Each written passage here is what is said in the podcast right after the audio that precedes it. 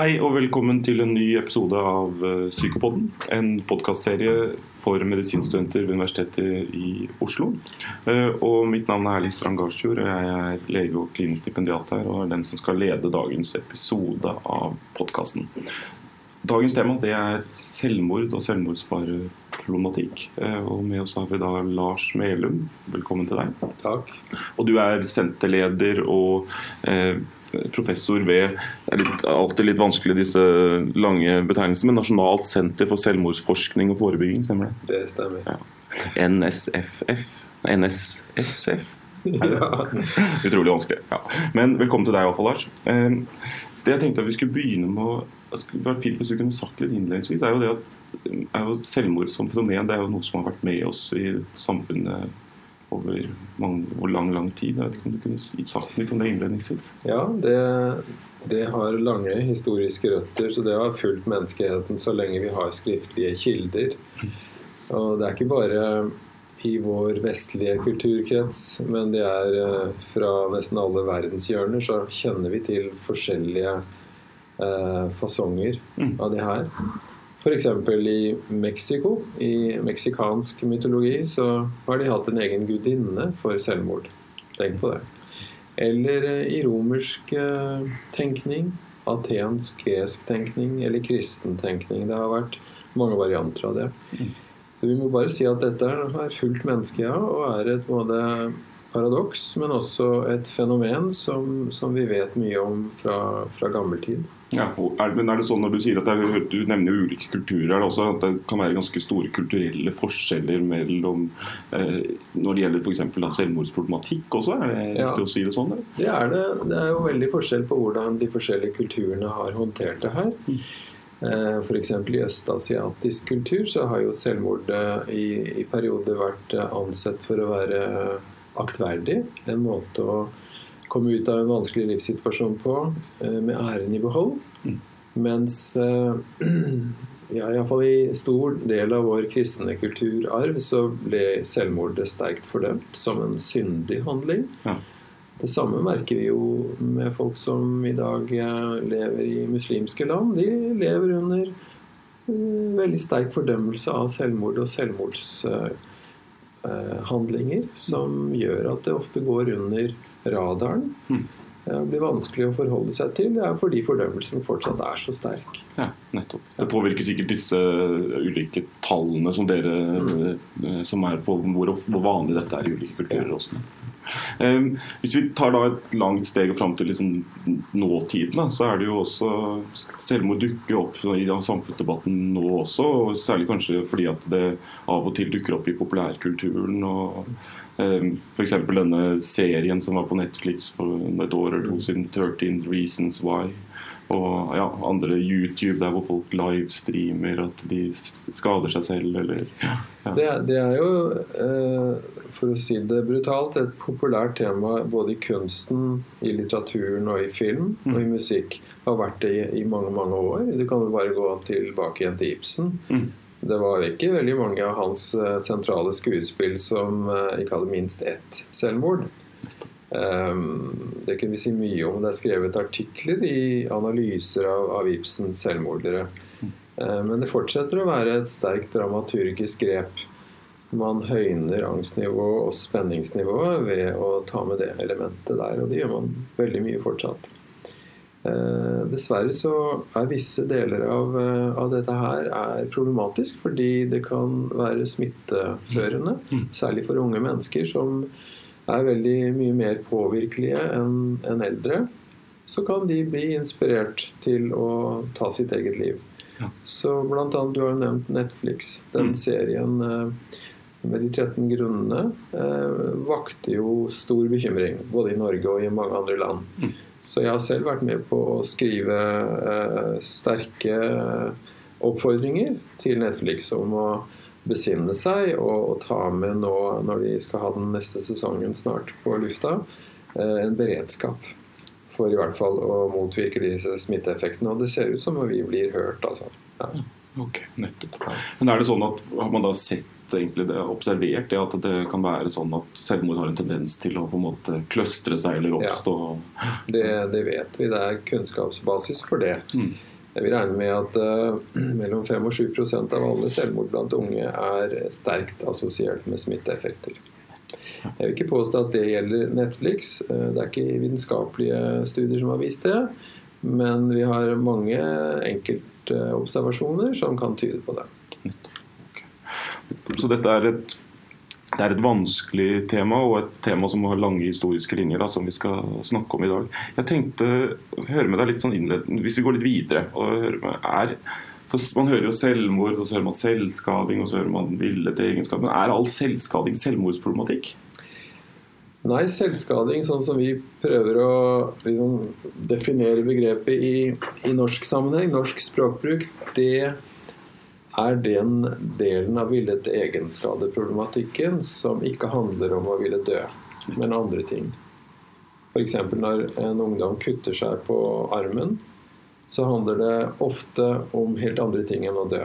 Da kaller vi det selvskading. Ja, og Hva slags type funksjoner kan det ha for den enkelte? da?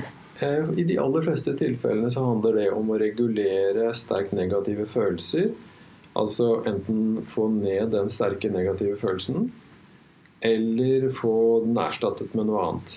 Og faktisk så For de som har effekt av selvskading, så har det en helt slående effekt. Mm. Øyeblikkelig, rask altså, og sterk effekt. Kortvarig, men dog eh, så sterk eh, effekt eh, at folk blir ofte hekta på det.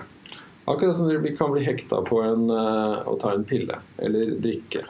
Nettopp. Så kan, det, kan man liksom kalle det en mer sånn uhensiktsmessig mestringsstrategi? Det ja, det er en lært atferd. Mm. Det er en lært eh, måte å mestre negative følelser på når du ikke har noe annet. Om du har funnet denne metoden, så er det veldig lett å bare fortsette med det. Sånn er det med de fleste av oss. at hvis vi Altså uvaner mm. eh, er det vanskelig å kvitte seg med hvis ikke du vet hva, hva annet du kan gjøre. Ikke sant. Sånn er det også for ungdommer. Men det er vanskelig å Eh, for ikke å si umulig å behandle selvskading på akkurat den samme måten som genuin suicidal atferd, der det handler om å ville dø. Ja. Det er en annen type atferd, og det skal behandles på en annen måte. og Derfor er det så viktig at helsearbeidere skjønner forskjellen. Mm, så det å få tak i når vi møter pasienter som kommer eh, hvor, er, hvor, selvskading eller selvmordsproblematikk da, er et eh, sentralt eh, ja. Så er det viktig å på en måte prøve å skille disse. Det er livsviktig betydning. Ja. Hvor, kan det der. Nettopp. Hvor vanlig, hvis vi går over til selv, selvmordsproblematikk, da, eh, hvor vanlig er selvmord i Norge i dag? Ja, Selvmord er sjelden. Eh, på en måte så er det altfor vanlig. Siden det er jo mer enn et halvt tusen, oppi 600-650 per år, som dør av selvmord. Men det er altså mindre enn 1 av dødsfallene per år. Så de aller fleste av oss i alle aldersgrupper kommer til å dø av andre grunner. Mm. Eh, jeg må skynde meg å si at for ungdommer så er det likevel ikke 1% men kanskje oppimot 25% av de som dør, de dør av selvmord. Altså for ungdommer, både menn og kvinner, under gutter og jenter under 25, er det den viktigste enkeltstående dødsårsaken. Men for alle andre så er det en, en, eh, en veldig eh, liten del av alle dødsfall. Um, og det må vi huske på. Fordi eh, Jeg har jobbet en del på legevakten. og sånt, Når du sier 500 mennesker i året, så tenker jeg at det er jo relativt liten andel av de som kommer til legevakten ja. med selvmordstanker. Ja. Eh, og, så, ja. Eh. og da er det en helt annen størrelsesorden. Da snakker vi om f.eks. igjen blant ungdommer. Der er det ikke noen ganske få per år som dør, men det er eh, Vi regner med en 10-12% av alle unge under eh, la oss si 17 års alder. Hvis du spør om de noen gang har gjort forsøk på å ta sitt eget liv, eller skade seg selv med vilje, ja. så vil de svare ja på det. Minst én gang. Og, og en god del har gjort det flere ganger. 10-12% av alle? Ja, prosent. Mm. Og da er det snakk om at i hver klasse i en videregående skolesammenheng så er det minst én. Mm. Det er ikke uvanlig, det er ganske vanlig. Mm. Um, og så er det da det store spørsmålet, når det er tross alt noen få som kommer til å dø, men så veldig mange som gjør forsøk på å dø, eller skader seg uten å ville dø, hvordan skal vi klare det store problemet med å finne ut hvem er det som kommer til å dø? Ja. Og i dag så vet vi ikke Vi har ingen sikre metoder for å identifisere den ene i haugen av de mange. Nei, for, for det, er, det, er det, du, det du sier at det kan vi egentlig ikke Vi kan ikke predikere, Predikere eller forutsi Nei, vi det. kan ikke gjøre det. Nei. Det vi da må gjøre, er å ha en såkalt høyrisikostrategi. Vi prøver å identifisere en gruppe som har en økt risiko, for å kunne hjelpe dem og øke sikkerheten for dem, slik at vi faktisk favner videre og, og få med oss så mange som mulig av de som ellers faktisk ville ha dødd. Mm. Det er det vi kan gjøre, og det er ikke så verst. Det er ganske bra strategi. Og sånn er det vi driver i veldig mange andre deler av samfunnet. F.eks. Eh, tenk på den fantastiske suksessen vi har med å forebygge trafikkdødsfall på veiene. Mm. Tror du det er noen ingeniører som vet akkurat hvem som ville tatt, nei, ville ha dødd ved en trafikkulykke hvis ikke de hadde bygget firefelteren gjennom Vestfold? De vet ikke hvem de er. Det er hundretusener hvert år som kjører der. Mm. Men vi vet bare at hvert år er det flere som nå redder livet. Midtdeler er liksom det store, er det ikke det? Ja, det er en av de mange sikkerhetstiltakene som, som står som forklaring på hvorfor eh, så mye færre i dag dør i trafikken enn bare for noen år siden. Når du sier disse tingene, så blir jeg veldig interessert i om det hva som finnes av på en måte bare på samfunnsnivå. Da. Hva er det, hvilke ting er de viktigste som samfunnet burde gjøre eh, hvis man skulle forsøke å forhindre eller redusere antall selvmord? Ja, og Vi må være klar over at siden selvmord skyldes mange ting, Mm. så må det også forebygges på mange fronter Mm. samtidig. Eh, Det er akkurat som det vi kaller interaksjonseffekter. At når vi gjør den ene tingen og så den andre tingen, så kan vi få mer enn én pluss én blir altså tre og ikke to. Fordi vi får samspillet mellom to faktorer. Så f.eks. hvis leger blir flinkere til å oppdage det når de får en pasient på kontoret som har økt risiko.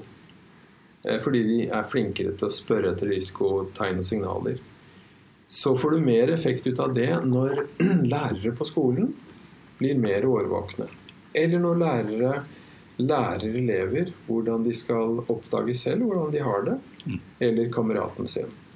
Da vil de lettere gå til fastlegen eller sørge for at noen kommer til kyndig, eh, grundig vurdering. Og så får du denne interaksjonseffekten. At du i samme område får to forskjellige effekter eh, som sammen blir mer enn en summen av enkelthetene. Det er bare et enkelteksempel på hvordan, hvordan vi kan jobbe.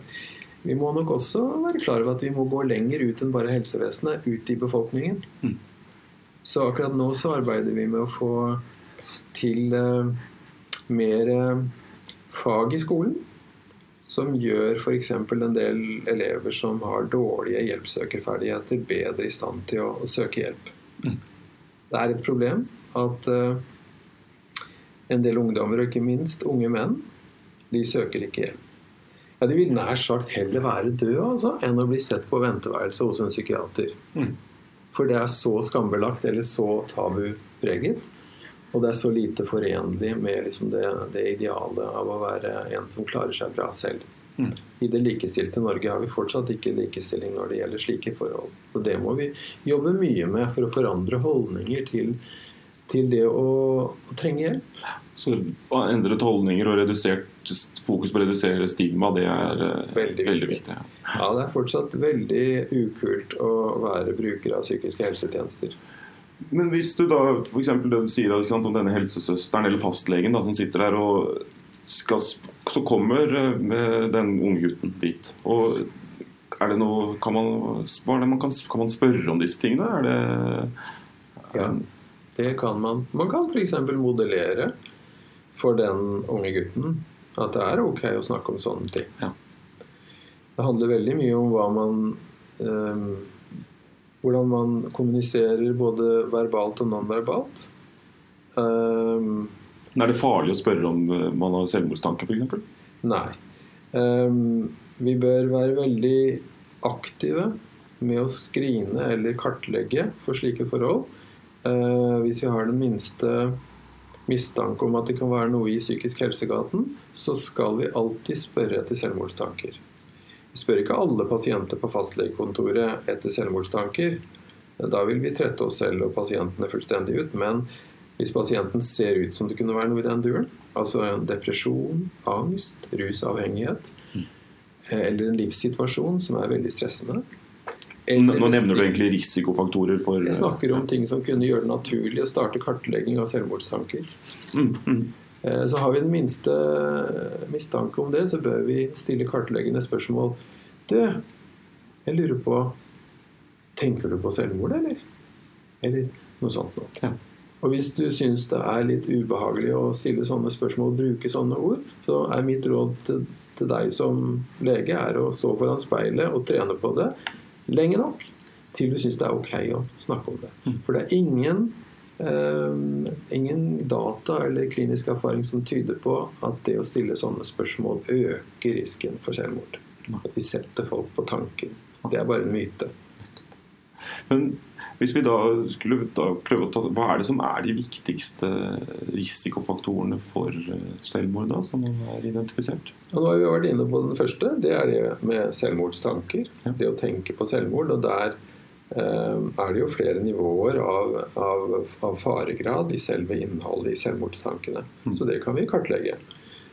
Så er det da psykiske uhelsesymptomer, altså på depresjon f.eks. Vi kunne gått dypere inn i det, men det er, en rekke, det er en rekke symptomer på depresjon. Men først og fremst ting som handler om å være fanget. Og det å føle håpløshet. Jeg kan ikke gjøre noen ting, og det blir ikke bedre. Mm, mm. Og jeg orker bare ikke å ha det sånn. Så da kommer vi til den tredje psykisk smerte. Det er bare så jævlig. Jeg orker ikke å ha det sånn. Den type psykisk lidelsestrykk er veldig viktig. For de som tar livet sitt, de tar jo ikke livet sitt fordi de ønsker å dø. De tar livet sitt fordi de orker ikke å leve.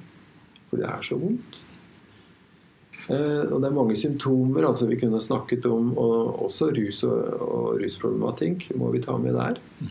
Psykosesymptomer, naturligvis. Eh, hvis vi har en psykotisk pasient som snakker om å ta livet sitt, så er det en farlig og veldig uforutsigbar situasjon. Vi burde da legge inn den pasienten. Eh, så har vi jo naturligvis dette med det som kan ha skjedd. Ting som er av belastninger i situasjonen. Ofte konflikter, tap. Eller ting som har gjort det veldig tøft å være meg. ikke sant? Det, det vil vi ofte kartlegge og snakke om. Hva er det som har skjedd som satte det her i gang? Så, sånn nylig opplevd måte, tapsopplevelse eller en krenkelse eller noe sånt, Ja, det er eh, ja. viktig å få tak i. Veldig viktig å få tak i, og det gir jo mening. For ofte er det ikke så Vi vi kan gjøre akkurat her og nå for å forandre det, men vi kan gjøre bitte litt. Vi kan starte på en plan for å løse problemer, og så sier vi til pasienten vår at det, det var sannelig godt at du kom. Altså, fordi at det, det her høres kjempetøft ut. Men hvis du og jeg nå legger en plan for hvordan vi kan nå liksom prøve om vi kan løse noen av de problemene, så tror jeg vi skal klare det. Men da må du stole på meg. Jeg har jobba mye med disse tingene før. Men jeg trenger at du stoler på meg, og jeg skal stille opp. For når vi gjør det, så angriper vi denne håpløsheten. Følelsen av at ingen kan hjelpe meg. Det kommer ikke til å bli bra. Jeg kan like ikke. Tenkte på å høre med deg, Lars, i forhold- for Jeg møter jo alltid noen pasienter også som sier at de er redd for selvmordstankene. At de er skremmende. Eh, hva tenker du om det? Altså, er, eh, hvordan vil du, vil du tolke det i noen retning? Ja, det er, det er et interessant og godt spørsmål. Folk som er redd for selvmordstankene, kan nok kanskje være redd for å miste kontrollen. Ja. Og eh, det må vi vurdere som en egen risikofaktor. Hvor mye impulskontroll har pasienten vår? Det er vanskelig å vite hvis ikke vi har sett denne pasienten før. Så vi treffer pasienten på legevakt, da er det vanskelig å vite det. Mm. Men så mye som mulig så ser vi etter litt i sykehistorien hvor mye har det vært av kontrolltap. Mm, mm. Eh, Fordi det er veldig forskjell fra person til person. Men kjenner du pasienten din godt og vet at det her er en person som, som er nok kanskje litt redd for å miste kontrollen, men har aldri gjort det før, så er, er vi kanskje ikke så redd for det. Jeg vil jo ofte tenke jeg da at det er et uttrykk fordi at, Også kanskje for at dødsønsket At det er ikke noe dødsønske der. eh, At de helst ønsker å leve. Men vet ikke om vi, Er det en riktig å tenke i de baner? Eller? Jeg tror at vi, vi som behandlere vi skal ikke være så redde for folks selvmordstanker. Jeg tror vi skal være glad når pasientene våre forteller om selvmordstankene. Og da, da gir vi dem tilbakemelding og sier da er det sannelig godt at du kan fortelle meg om det, for da kan vi jo gjøre noe med det. Det er en del av, av, våre kolleger som friker ut når de hører at folk snakker om høye nivåer av selvmordstanker. Jeg er ikke så redd for det. Nei. Jeg vil gjerne ha det på bordet, for da kan vi gjøre noe med det. Og vår jobb er jo å hjelpe folk å holde ut av selvmordstanker uten å ta livet sitt. Til selvmordstankene går ned. For det gjør de. Vi begynner å nærme oss slutten, men jeg tenkte jeg ville høre med deg. For Hvis jeg har forstått uh, hvert fall det jeg har lært tidligere, så er det jo dette med at en selvmordsfarevurdering handler jo om en avveining av uh, faktorer som øker risikoen, og faktorer som kanskje er, som senker risikoen eller er beskyttende. Vi har ikke snakket så mye om disse beskyttende faktorene. Jeg vet ikke om du kunne sagt litt uh, om det sånn ja. nærmere slutt? Ja, for det er jo de personlige egenskapene, tåleevne, det å, å, klare faktisk å holde ut smerte og lidelse, er veldig forskjell fra person til person. Så hvis vi vet at denne personen tåler litt av hvert, har vært ute en vinterdag før, har opplevd vonde ting før har klart seg gjennom det, så er det en, en klart kan, kan, senke, kan, senke, risken. Impulskontroll også. God impulskontroll. Så har vi de her tingene med um, ansvar for andre mennesker, f.eks. For, for uh, omsorgsoppgaver for, for, barn, er relativt sett en uh, faktor som senker risken. Fordi folk de tenker seg ofte om mange ganger hvis de har ansvar for andre. Så har vi det vi var inne på, at i noen trossystemer så er selvmord ikke tillatt. Og selv om det ikke akkurat er en veldig ålreit måte å, å, holde seg unna selvmord på, så vet vi at den virker. Altså Vi skal ikke tro på at disse tingene egentlig er beskyttende, men de kan senke risken for en periode. Vi må bare ikke stole for mye på dem. Og så, så, har vi ikke kommet inn på dette her med tilgang på metoder. Ja. For det er viktig. Ja. Eh, det er ikke det som gjør folk suicidale, at de har tilgang på metoder, men det kan gjøre det så mye raskere å gjennomføre en selvmordshandling når du er langt oppi der i, i smerte og tilbøyelighet til å ville ta livet ditt. Da, da, da, vil det være lettere å kunne omsette en følsom tanke i handling. Mm. Hvis det bare er å gå og hente et våpen, f.eks. Mm. Så det å spørre faktisk pasienten om man har tilgang til våpen eller eh, har gjort innkjøp til forhold til Alltid spørre spør etter det. fordi i 30% av tilfellene så har faktisk folk tilgang på skytevåpen i heimen. Mm. Da er det nå skal, vi ikke, nå skal vi nærme oss slutten. Jeg tenker på, Er, dette, er det også det, en våpenlovgivning? Er det også da kanskje noe på samfunnsnivå som mm. kan eh, være et viktig forebyggende tiltak? Ja, altså for, for, ganske mange år siden i dette bygget så skjedde det et møte mellom alle som har noe med, med våpen å gjøre. Alt fra Det frivillige skyttervesen, Jeger- og Fiskerforbundet og en haug med frivillige organisasjoner, Politidirektoratet, Forsvaret osv. Og, så mm. og Justisdepartementet. Vi sammenkalte til et møte. Det var da lover osv. Vi begynte å diskutere våpenforskriften. Og så var vår strategi Vi ønsket å legge fram for alle de her her hva er det egentlig som er problemet med våpen og fare for død i Norge. Er det vådeskudd som er problemet? Nei. Det er ingen som dør av våde. Eller én kanskje i året. Ja. Så vi fortalte om hvor mange unge mennesker som på den tiden som døde pga. Av, eh, av selvmord ved skytevåpen som de ofte hadde funnet hjemme i, mm. i huset. Unge gutter. Og da kunne du høre den berømmelige nålen falle, altså, da vi hadde lagt fram de tallene. De var helt sjokkert og rystet, og etter den dagen så var det ikke noe problem å få gehør for endringer i våpenforskriften, bl.a. dette med forsikringsgodkjentskap. Mm. Vi har altså ikke fått den samme motstanden i Norge mot slike lover og, og endringer som i USA f.eks. For, for vi, vi fikk det med på laget. De var all for it. Og, og, det har berget vi. Vi har estimert at effekten av det, bare det ene tiltaket, det redder 120 unge menns liv hvert år.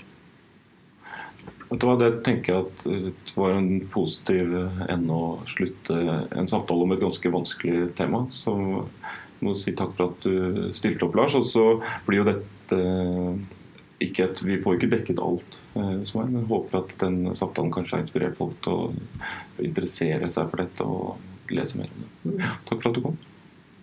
Dersom du skulle ha behov for å snakke med noen etter å ha hørt på denne podkasten, så kan du ringe Mental Helse på 116 123. 116 123 døgnet rundt.